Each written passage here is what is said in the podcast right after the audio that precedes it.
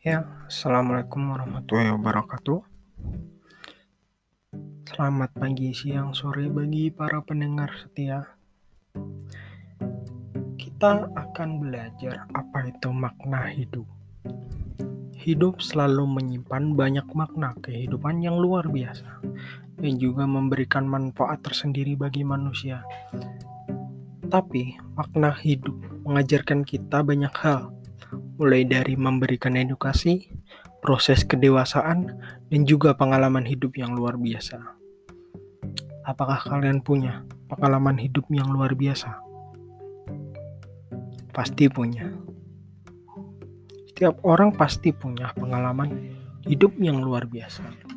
Tapi dari semua masalah yang kalian lalui, dari semua pengalaman yang kalian hadapi, apakah satu pengalaman dapat membuat kamu, kalian, kita, mereka tahu arti makna akan kehidupan. Mencari makna kehidupan bukanlah hal yang mudah, namun bukan pula hal yang sulit. Untuk menyikapi makna kehidupan, kita perlu memaknai bukan hanya dengan akal sehat, namun juga dengan hati yang bersih. Karena sebuah makna hanya akan didapat dirasa oleh orang-orang yang memiliki hati dan pikiran yang bersih. Lalu, bagaimana jika hati mereka kotor? Mereka siapa? Bisa jadi diri kita sendiri, bisa jadi saya sebagai manusia, anda-anda sekalian yang sedang membaca, sebenarnya hati pikiran manusia itu sudah bersih. Tapi hawa nafsu,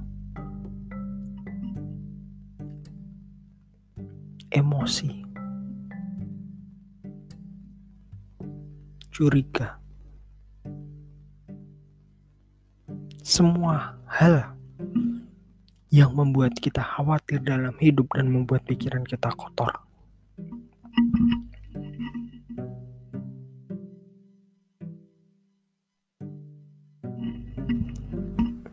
Bagi mereka yang memiliki hati dan pikiran kotor,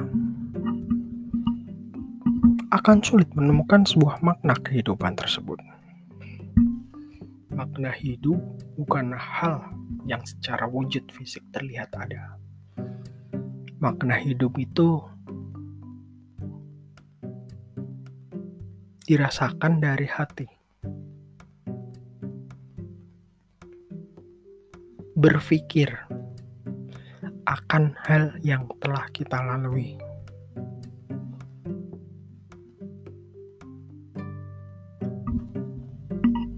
Dalam memperoleh makna hidup, setiap orang hanya perlu memulai dengan cara yang berbeda.